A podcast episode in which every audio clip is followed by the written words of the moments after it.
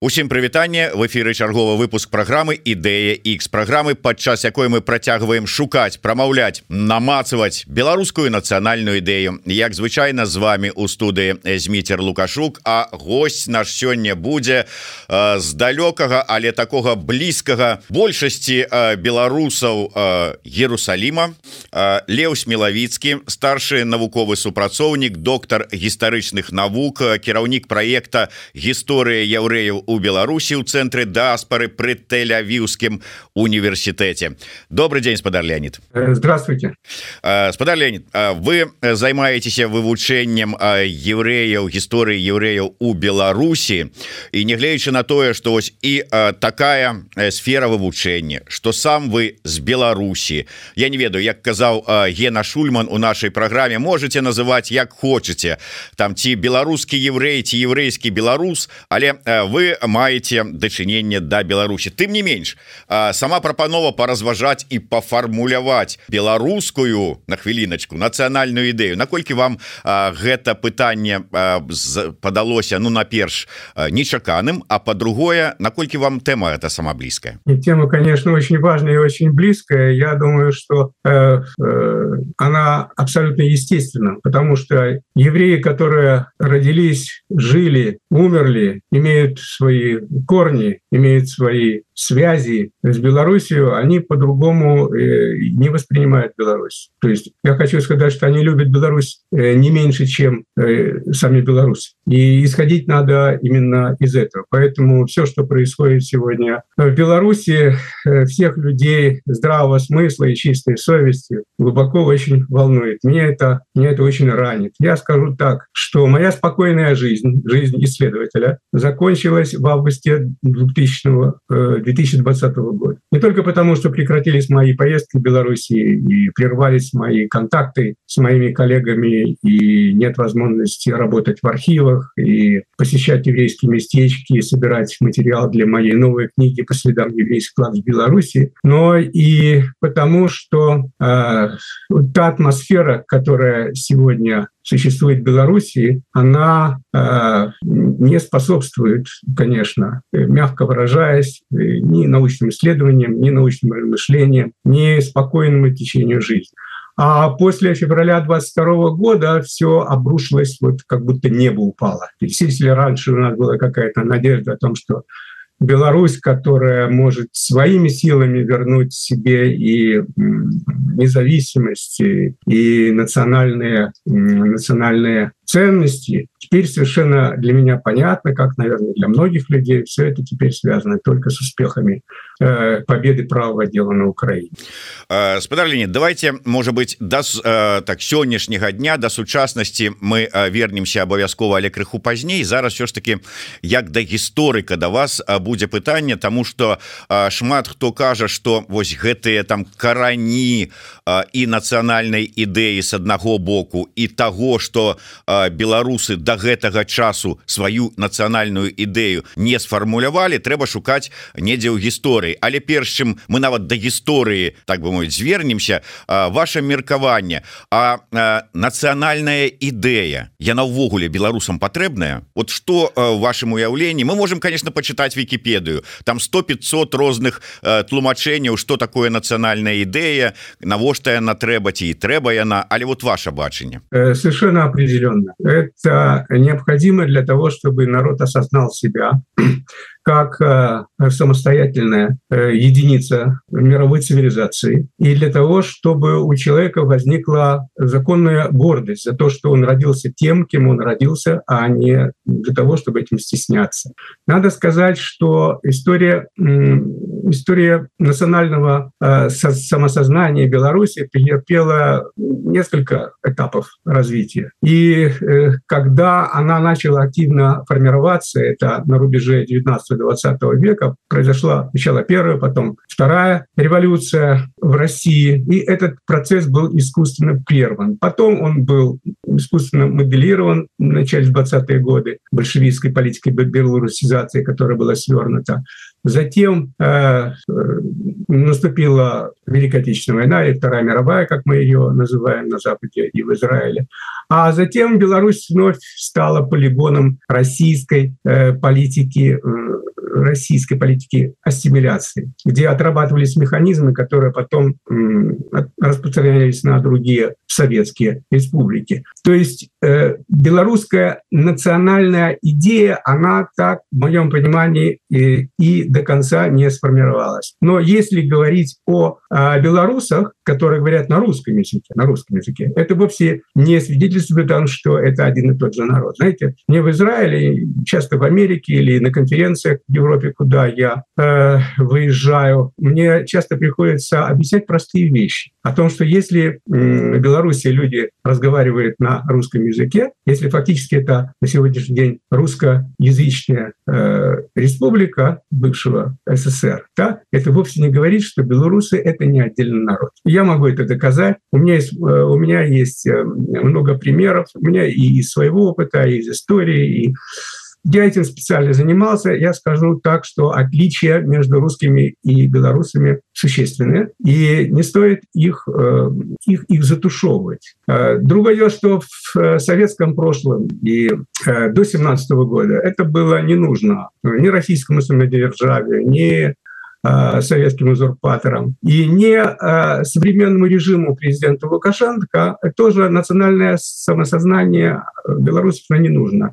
А оно очень опасно. Оно ведет э, к тому, что люди начинают самостоятельно мыслить, задают вопросы, пытаются докопаться до э, первой причины, поощряют разномыслие и так далее. Ну, какому диктатору это придется по нутру. Э, я выбачаюся, что я тут троху пераскокваю з тэмы на тэмы, просто адразу по ходу вот ваши думкі, якія вы выказваеце, яны падштурхоўваюць да нейкіх разваг на такія тэмы паралельныя і хочется адразу удакладніцца Вось вы закранули тэму рускамоўных беларусаў і вельмі часто ў наших праграмах гучыць такая тэза что ну не трэба зацыклівацца на мове тому что скажем тое что ірландцы умоўна там ці не толькі ірландцы але іншыя гавораць по-англійску там ці на іншай мове а сваю нацыянальную мову ну там ці забыліся ці на ёй гаворыць вельмі мало людзей гэта не азначае что яны там не нацыя что яны не шануюць сваю гісторыю традыцыю гэтак далей. Можа быть у ірландцаў так. Але у выпадку з беларусамі мне падаецца вот гэтая рускамоўнасць шмат у якіх выпадкаў прыводзіць до того что беларусы становятся янычарамі. У адрозненне ад тых же самых ірландцаў хотя і калі і сярод іх Мачыма такое ну вот умоўны панятка янычараў таксама ёсць. Але тут адразу этот русский мир у галаве. То есть мова это ж зброя і гэтак далей мы не один раз таксама это чуем. Так вось ці не падаецца вам что так рускамоўнасць яна у ну для беларусаў маецца на увазе якія жывуць у Беларусі яна у пэўным сэнсе прыкмета гэтай янычарнасці. Это безусловно э, язык это э, форма общения это форма коммуникации это форма национального э, самовыражения.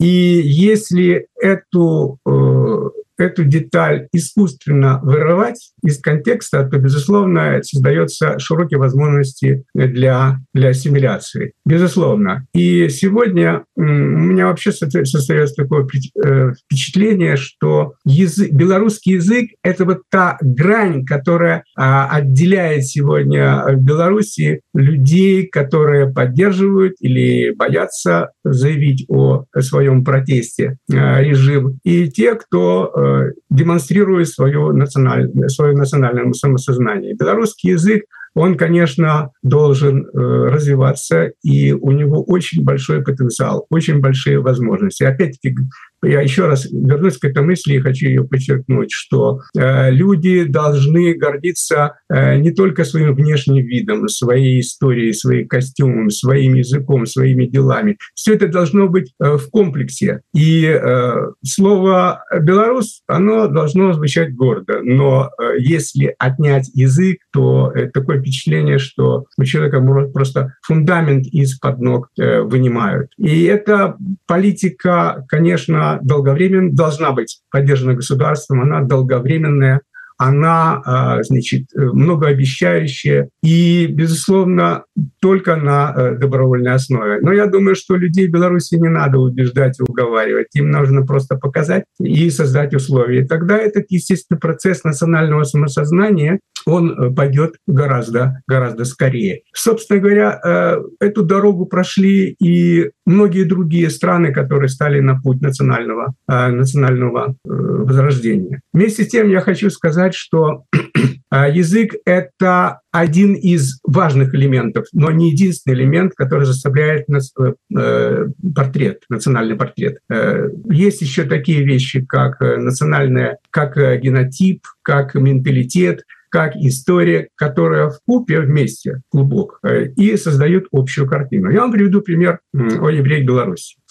А, значит, к началу 90-х годов, казалось бы, от евреев ничего, от национального портрета еврея ничего не осталось. Нет компактного проживания, нету религии, нету знаний языка, нету, значит, э, других признаков нации, но осталось только нету культуры, нету истории, нету школ, театров, ничего не осталось. Осталось два основных элемента. Это генотип и менталитет. И когда возникли необходимые условия в начале 90-х годов, все вдруг возродилось и пошло развиваться своим чередом довольно быстро. Люди начали интересоваться ивритом, еврейской историей, начали э, отказываться от э, национальной, национального нигилизма вот, э, и так далее. Поэтому я, я считаю, что если в эту палитру добавить еще и язык, язык то дело пойдет гораздо, гораздо быстрее. А, и вот вы кажете про умовы, якія спрыяльныя склаліся,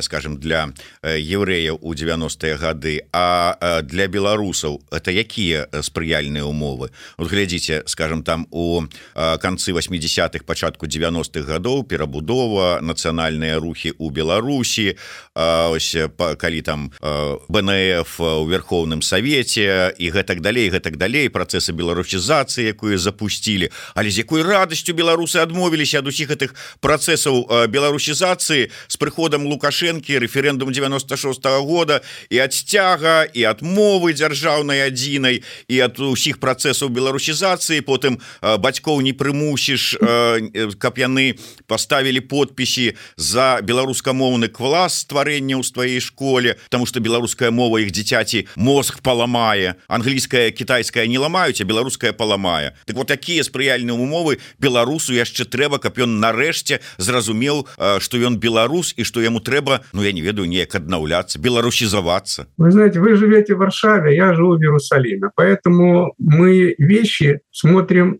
как вам сказать, более объемно и, и более э, глубоко. А э, вот я, наверное, вас удивлю, если скажу, что только через 10 лет после того, когда я приехал в Израиль, в Израиле уже 30 лет, так, э, вот я понял, что я раньше был не свободный человек. То есть я приехал в Израиль с полной уверенностью, что я свободный человек, я решаю свою судьбу, я э, принимаю решения и, и так далее. И, и, и так всегда было раньше. На самом деле нет.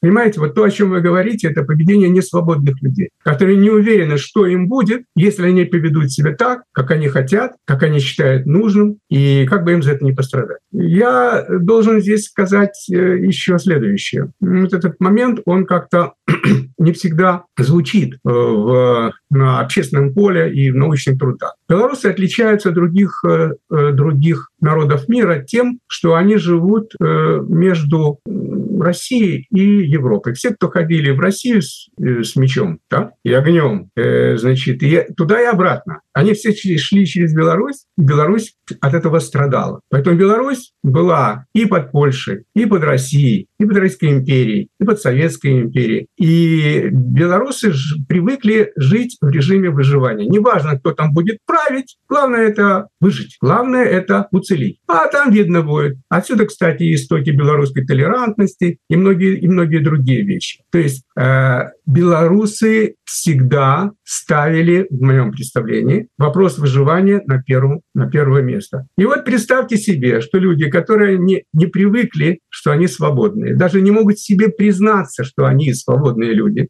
с маленьким-маленьким таким коротким историческим опытом с 89 там, по 92 год, какое-то окошко было. Вот. Что там успело э, прорасти, окрепнуть? Да самые маленькие первые ростки. Им вдруг говорят, нет, вы пошли по неправильным пути, нет, нужно вот так а, значит, а если кто-то что-то, вот, но не поздоровится и прочее, прочее. Знаете, вы говорите о тех выводах глобальных, которые народ должен в себе сформировать. Он должен с этим вырасти. Ну, не было же никаких, конечно, социальных сетей, интернета, Википедии, Гугла, вот, и всяких аппликаций тогда. Помните, как народ общался? Через, э, через газеты, через объявления, через рекламу. На телевидении места не давали, по радио тоже. Э, бойкот был Белорусского народного фронта людей с, с самостоятельной национальной идеей и так далее. А, значит, силы были слишком неравны. Значит, с одной стороны, силы инерции, с другой силы, со стороны силы государственного аппарата и подавления, с третьей стороны, вот эта историческая память о страшных репрессиях за инакомыслие и прочее, прочее. Разве эти люди могли поступить по-другому? Кроме того, кроме того, основой, основой э, самостоятельности психологической, политической, идеологической, какой угодно, является, конечно, экономика. Если нет э, свободной экономики, если нет э, частной собственности, если нет закона, который гарантирует э, вот эту экономическую свободу о том, что государство никогда при каком желании не, от, не отберет то, что на сегодня дало, вот, если то, что создал отец, передается к сыну, вот, э, свободная экономика, она вызывает свободное политическое мышление. Э, не было никакой свободной экономики в Беларуси на э, рубеже 80-х, 90-х годов, когда Лукашенко пришел к власти в 94 году и потом придушил все эти, все эти ростки, он, он довольно легко это придушил. Потому что у людей не сформировалось в голове понятие, что они люди, что они граждане, что они должны бороться. Они понимали, зачем им это надо. И решили промолчать очередной раз. Я это как историк очень, очень э, четко, четко себе представляю. Дарэчы, таксама цікавая тэма про э, нацыю народ. У нас постоянно спрачаются наши гости на, на саму тэму беларусы як нацыя сфармаваліся ці не сфармаваліся. Ёсць абсалютна розныя меркаванні. Адны кажуць, што да сфармаваліся даўным-даўно ўжо там стагоддзя, калі не болей таму другие кажуць что э, там как бы пачалі тады яшчэ там умоўна кажучы э, у нейкіх там спаўстання кастуся каліновска фармавання. Але зараз вось яны яго двадцатым годам гэтага стагоддзя э, завяршаюць третья кажу что яны вось толькі зараз у гэтым двадцатым годзе пачалі фармавацца як нацыя але ведаеце у мяне восенню мы былі з таким турам музычна-літаратурным у ЗША разам с лявоном вольскім і владимиром пугачам. Я прэзентаваў сваю другую кнігу беларуская нацыянальная ідэя на маршы і ў нью-йорку мне вот падчас дай прэзентацыі выйшаў мясцовы беларус які ў свой час працаваў у акадэміі навук Беларусі і кажа вы тут спрачаецеся нацыя ці не нацыя А я перакананы что беларусы нават у народ не сфармаваліся что гэта насельніцтва тэрыторыі нават не народа не кажучы уже про нейкую нацыю Як вы думаете Нет но ну, с моей точки зрения конечно когда человека все время бьют по голове а потом спрашивают как ты себя чувствуешь то он не, не может сказать что голова не болит. Это в том плане что когда белорусам э, искусственно мешали этому естественному процессу складывания э, нации вот то на сегодняшний день кого-то обвинять э, или укорять или упрекать совершенно совершенно неправильно, неправильно, нечестно, и, я бы даже сказал, противоестественно. События 2020 года показали всему миру о том, что белорусы давно ждали момента, когда они могут выйти гордо и сказать свое слово. Этот процесс формирования нации пошел очень быстро. Он еще далек до своего завершения. Но э, каждая нация проходит период своего формирования за э, разные исторические сроки. При благоприятных условиях этот процесс идет быстрее, при неблагоприятных он затягивается или останавливается, или попадает в спячку. Вот именно в такой спячке белорусское национальное самосознание находилось, находилось долгие годы. А, значит, э, в прошлом году э, исполнилось 100 лет со, с момента создания Советского Союза. 100 лет. Да. Если посмотреть на то, что пережили белорусы за это время, то наряду с большими достижениями было очень много несчастья. Если бы меня сегодня спросили, чего было больше, я бы, наверное, не смог вам ответить. Потому что если бы буржуазно-демократическое развитие Беларуси не было бы прервано в 2018 году, то сегодня, конечно, это было бы совершенно другая страна. Я думаю, и Вторая мировая война бы не началась бы, если бы в России не победила большевистская революция в 17 году. Если вам интересно, я мог бы развить эту тему и ответить на вопросы, почему я так думаю. Э, да, э, будет цікава, э, але вот вы так и не отказали на вот ваше бачанне, все ж таки нация есть и нема белорусская? Я, я вам скажу более, более дипломатично. Она должна быть, но на сегодняшний, на сегодняшний день в том классическом выражении, в котором в котором а, понимают ее, она, конечно, отсутствует. Этот процесс опять затормозили. А, да, ну тады вот а, тое, что тему, якую вы закранули про кастрычніцкую революцию, переворот это и все остатние уплыв. Э, как историк, я считаю, что если бы э, общественные процессы в России остановились на уровне буржуазно-демократической революции, то э, неизбежно Россия и все народы, которых она объединила, развивались бы примерно в таком ключе, как и европейские страны. Угрозы мировой революции не было бы, поэтому не нужно было бы призывать к власти нацистов, которые должны были обуздать вот э, это э, рабочее движение. Рабочее движение после мирового кризиса 29-33 годов поднялось на такой высокий уровень, что его не могли сдержать никто. Поэтому поставили на Гитлера. И американские миллиардеры, и э, финансовые тузы Европы решили, ну вот этот парень нам расчистит дорогу, нам он обуздает рабочее движение социал-демократов. И они просчитали, потому что этот парень взял и всех, всех обыграл, решил э, добиться мирового господства. То есть э, идея мировой революции Коминтерна, Сталина э, решили остановить руками Гитлера. А потом два диктатора взяли между собой и договорились разделить, разделить мир. Секретные протоколы к Советско-германскому пакту 23 августа 1939 года, договор о мире и дружбе и границе 27 сентября 1939 года, начало мировой войны 1 сентября 1939 года и так далее. Сталин присчитался, поскольку известно, что он сам собирался наспать на Германию, но не в 1941 году, а немножко подготовившись, подготовившись к этому. Кстати говоря, одним из э, таких тезисов, когда Гитлер объяснил, объяснял э, причины своего вторжения в Советский Союз, так и было, что Сталин хотел на нас напасть, но мы его, мы, мы его опередили. То есть э, я считаю, что э, если не было бы необходимости сдерживать э, угрозу мировой коммунистической революции, то нацизм не появился бы, Гитлер не пришел бы к власти. Сталин дал команду немецким коммунистам Эрнсту Тельману сделать все, чтобы социал-демократы не победили на выборах в 1933 году. Вместо них победил Гитлер. Вы понимаете? И если не было бы этой красной угрозы, не было Второй мировой войны, не было фашизма, не было бы 60 миллионов жертв, 60 миллионов в мире погибло в годы Второй мировой войны. А, и мир пошел бы совершенно по другому пути. Ну вот мы как-то об этом забываем. Кстати говоря, и не было бы этого Путина, этого, этого ужаса того, что происходит сегодня на Украине. Не было бы Сталина и его репрессий. Вы понимаете, сколько людей осталось бы живо, и сколько э, идей получило бы развитие, и как бы люди жили бы лучше и прочее, прочее. То есть вот такая отвратительная гримаса истории сыграла такую шутку. Ну да, роля, конечно, всех этих вот э, большевиков, э, не ведаю, наколькі тут можно уже притягивать до виноватости родоначальников, так бы мовить, Карла Маркса, Энгельса, але вось Ленин с его шоблой, это, конечно, злодзеі яшчэ тыя. Але давайте можа быть крышачку у глыбейшую гісторыю. І я адштурхнуся ад тэзіса які вы закінули про талерантнасць беларусаў.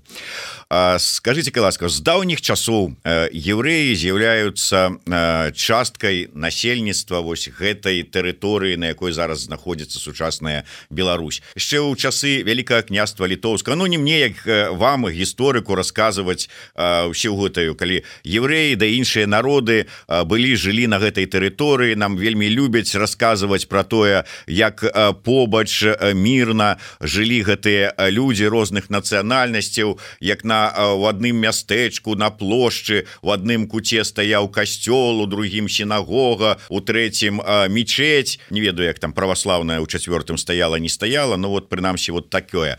Але ці сапраўды калі вас пункту гледжання гісторыі беларус еврейскага Ну і беларускага народа беларусы такія ўжо талерантныя ці заўсёды мірна яны суіснавалі ці заўсёды ось гэты уплыў с аднаго боку і на другі бок беларуска беларускасці на ментальнасці евреяў евреяў на ментальнасць беларусаў вот это уплыў. Ён заўсёды быў нормальный спокойный мирный толерант э, когда я работал над своей книгой евреи туру портрет местечка мозорского полиса она вышла в 2008 году я глубоко погрузился в эти сюжеты поэтому то что я буду сейчас говорить оно обосновано научно.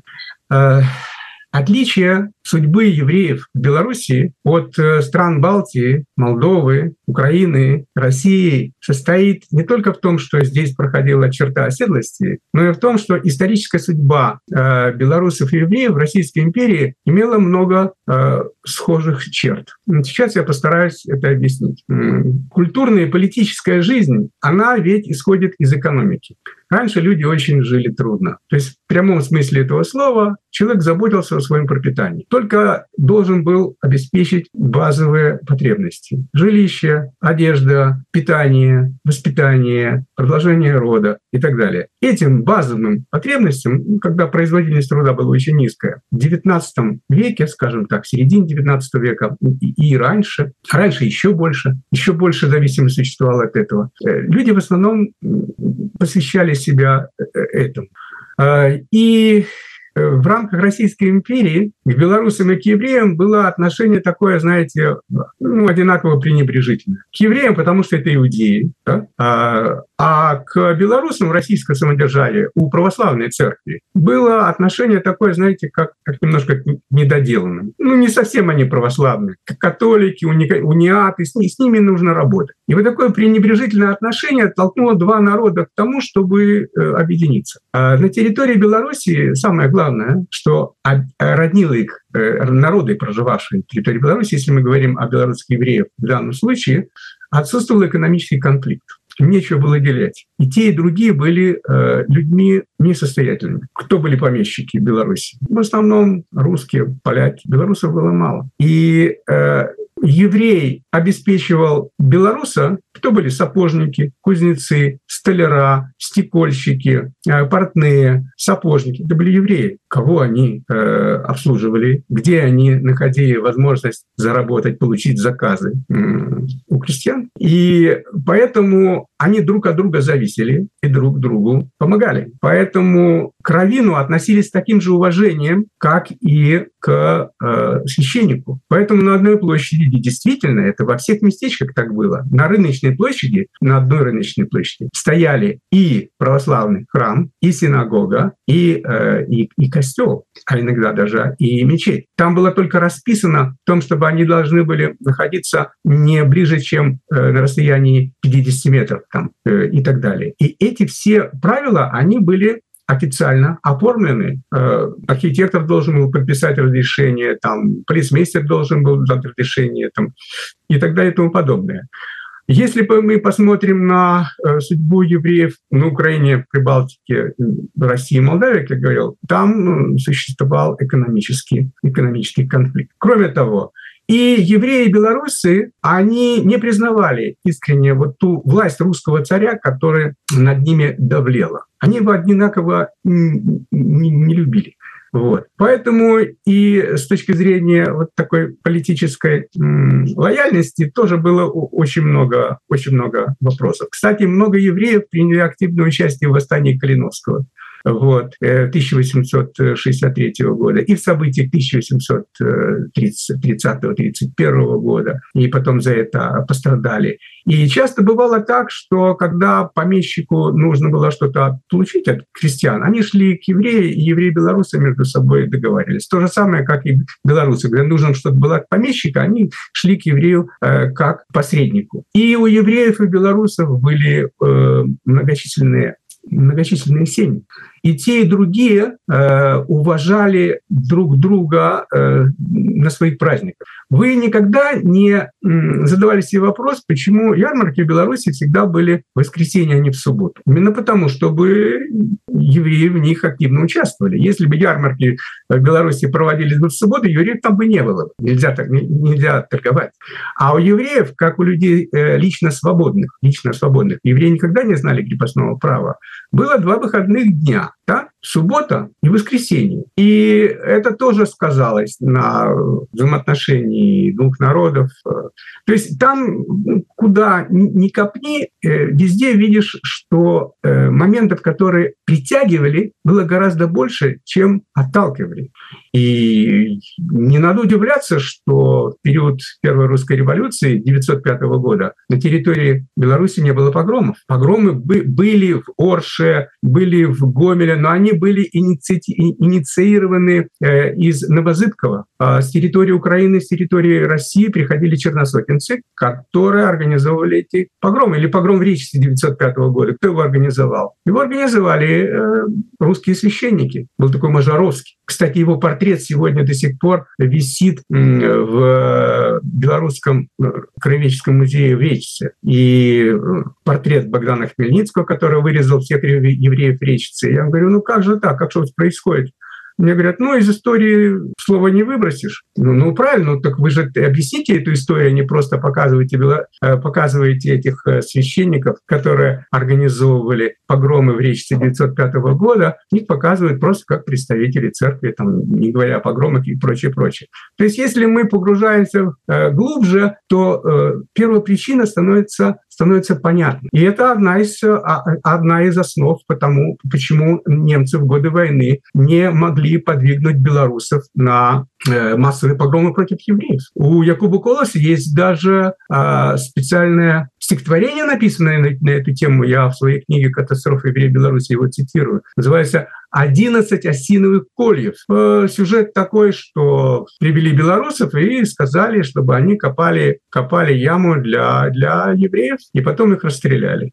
А когда они отказались, сказали евреям, вот вы останетесь живы, если вы выкопаете ямы расстреляете белорусов. Те тоже отказались. Тогда и тех, и других убили и положили в одну яму. Э, Хотелось б іншую, конечно, э, крыху закрануть тему. Гэта, э, ну, як протяг. Вы сказали про тое, что да, про гэтыя портреты, правда, вы кажете, тому что до гэтага часу мы бачым и там суворовская вучэльня у Мінску, и помнік бюст Дзержинскому у центре цэнтры мінска і гэтак далей гэтак далей. Я уже не кажу про гэтыя паўсюдныя помнікі кату беларускага народа Леніну ва ўсіх гарадах і вёсках. Але про іншае. Ось вы узгадали про тое что ўсё ж таки так і не сфармулявалі нацыянальную ідэю не склалася там можа быть самасвядомасць ідэнтычнасці гэтак далей. І да больш таких сучасных часоў ну сучасных скажем пачатак чырвонага тэрора калі з Росіі было дазволена колькі там два філасофскіх парахода ці болей ад'ехала это не кажучы уже про белую эміграцыю якая на пачатку рэвалюцыі спакойна з'язджала то як сказаў адзін з наших гасцей беларускі філасофскі параход ляжыць у курапатах.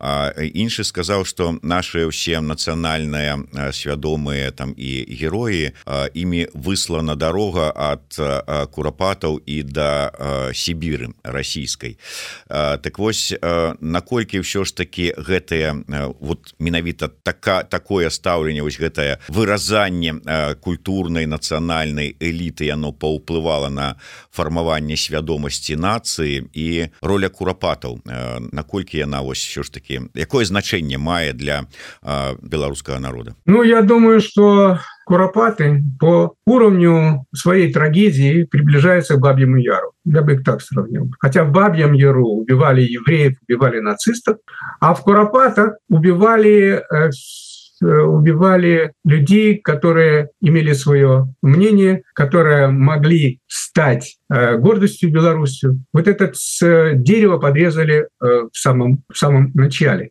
И результаты этой трагедии сегодня белорусы ощущают, ощущают на себе. Правда, о Куропатах, конечно, была только приоткрыта и захлопнулась этот, этот ларчик. И придется еще долго-долго э, разматывать этот клубок, рассказывать правду. 30 э, октября прошлого года в помещении Русской городской э, библиотеки Иерусалима состоялся традиционный вечер э, «Ночь погибших поэтов». Мы каждый год проводим такую встречу, где рассказываем людям, что произошло, почему, как. И э, я знаю, что на, эти, на такие встречи в разных странах мира приходят не только белорусы, но и все, кто э, болеет душой за э, то, что происходит сегодня в республике. Я считаю, что связь прямая, потому что та гордость, те таланты, те достижения, которые были э, за 20 лет с 26 э, значит, с 22 по 41 год в Белоруссии, они легли, они легли в Куропатах. И не случайно, не случайно, когда э, советские э, советские, не знаю, как сказать, палачи, скорее всего, отступая перед э, немцами конце июня, начале июля 1941 года из э, Минска, из Витебска, из Гомеля, из Могилева. Политических они э, не уводили с собой, а расстреливали, потому что понимали, что это прямые, прямые враги советской власти. Уголовников распускали, а политических расстреливали. Так, кстати говоря, и спасся Березкин, который рассказал, как это все было. Он один из немногих, кто уцелел после этого расстрела, по-моему, 20, 20 9 июня 41 года или на несколько дней раньше. Э, Куропаты настолько, тема настолько неприятная, настолько она неприемлемая для современного руководства Беларуси именно потому, что те традиции службы безопасности сталинской, а потом советской, они перешли э, в современную, э, в сегодняшний день. И, вы знаете, существует...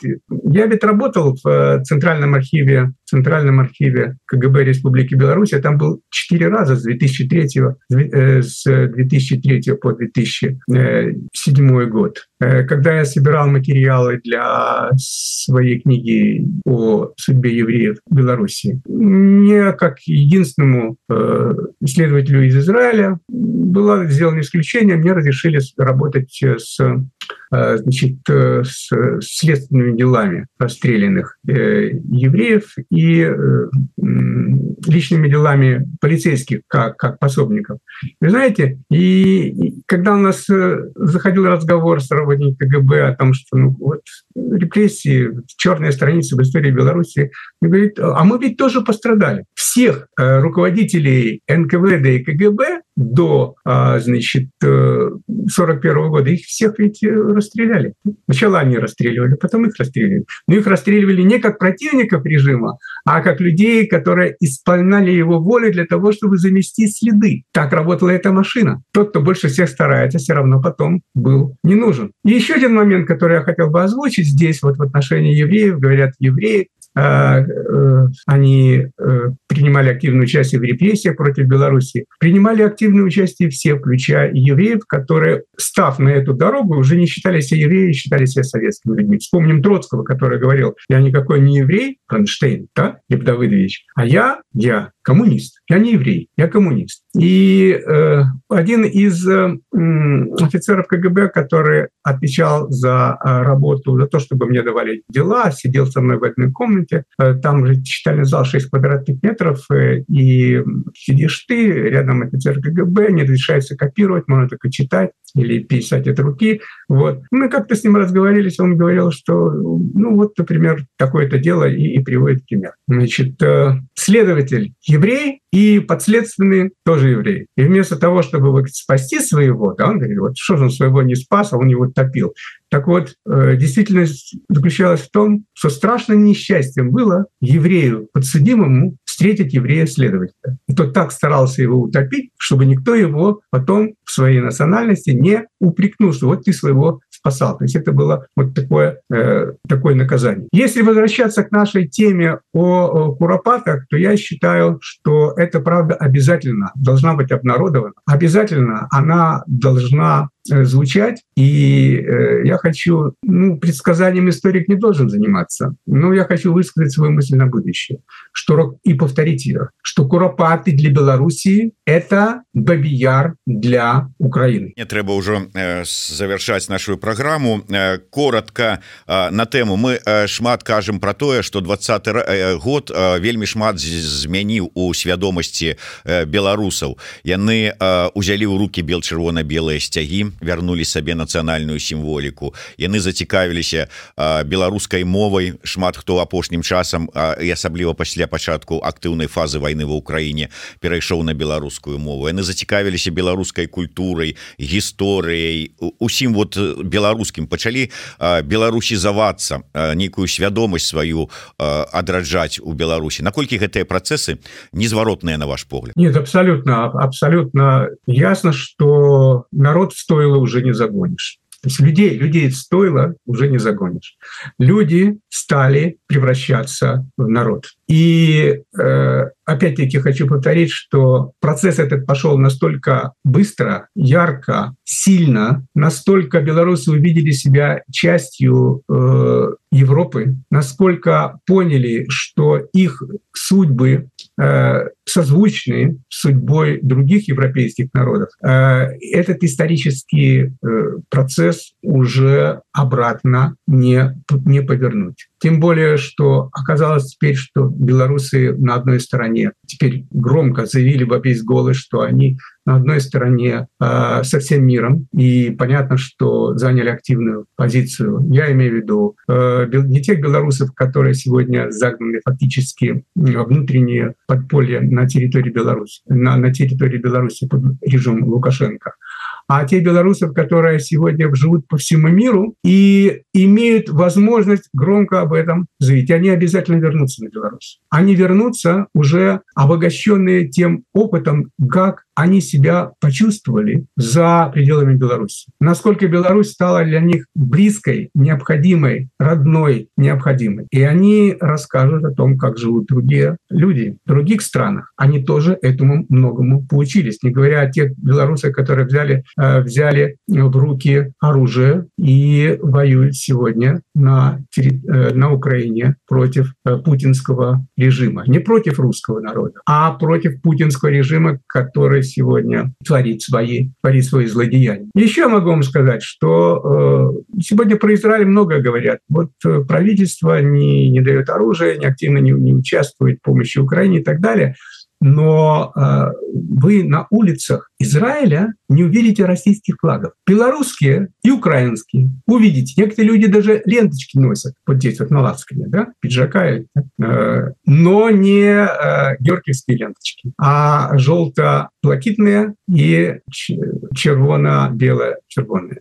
Это Бел, тоже... червоно-белые. Да, да, бело-червоно-белые, да. Это, это, это, ведь, это ведь самая лучшая характеристика, вот этого общественная атмосфера. Белорусы почувствовали себя частью мировой культуры и истории. Вот. И то, что всегда или замалчивались, или затушевывалось, или, или, за, или, или игнорировалось. Ну и потом время же на другое, другое на дворе. Есть YouTube, есть социальные сети, вот, э, есть WhatsApp, Viber, прочее. Э, э, тем, кто хочет думать, разобраться, вот, у них есть такая возможность. Здесь уже э, людей изолировать невозможно. Следовательно, эти процессы остановить нельзя.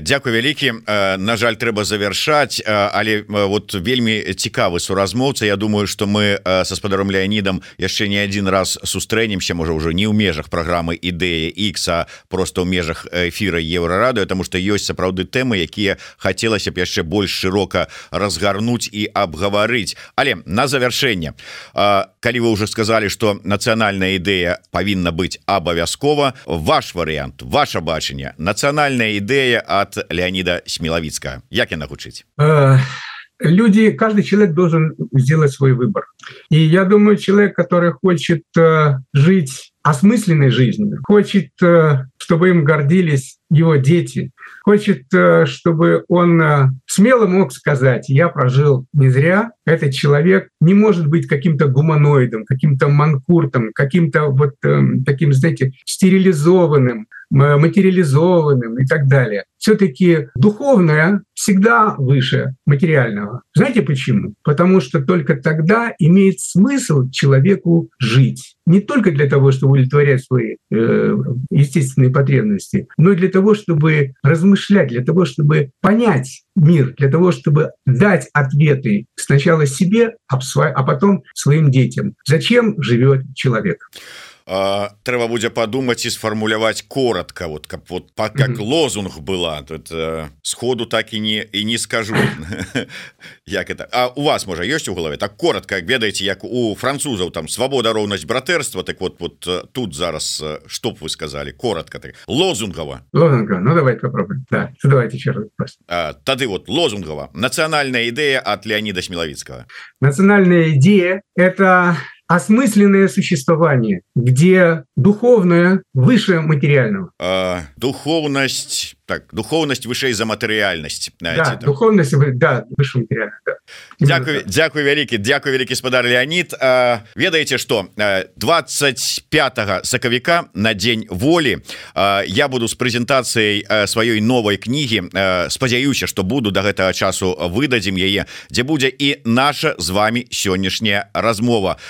І я абавязкова спадзяюся прывесці у тэлявіў і там мы сустрэнемся ну ці да Ерусаліма даеду да. Вось гэты кубачак гэта падарунак ад еўрарадыо ад праграмы ідэя X і ад мяне асабіста ось з таким надпісам Ну і безумоўна кніжка про нацыянальную ідэю Таму что спадзяюся что таксама яе уже здолею прывесці у тэлявіў 25 сакавіка Так что да сустрэчы і дзякуй вам вялікі Леонид смелавіцкі зміцер лукашук былі з вами у праграме ідэя X жыве Беларусь! Жыве Беларусь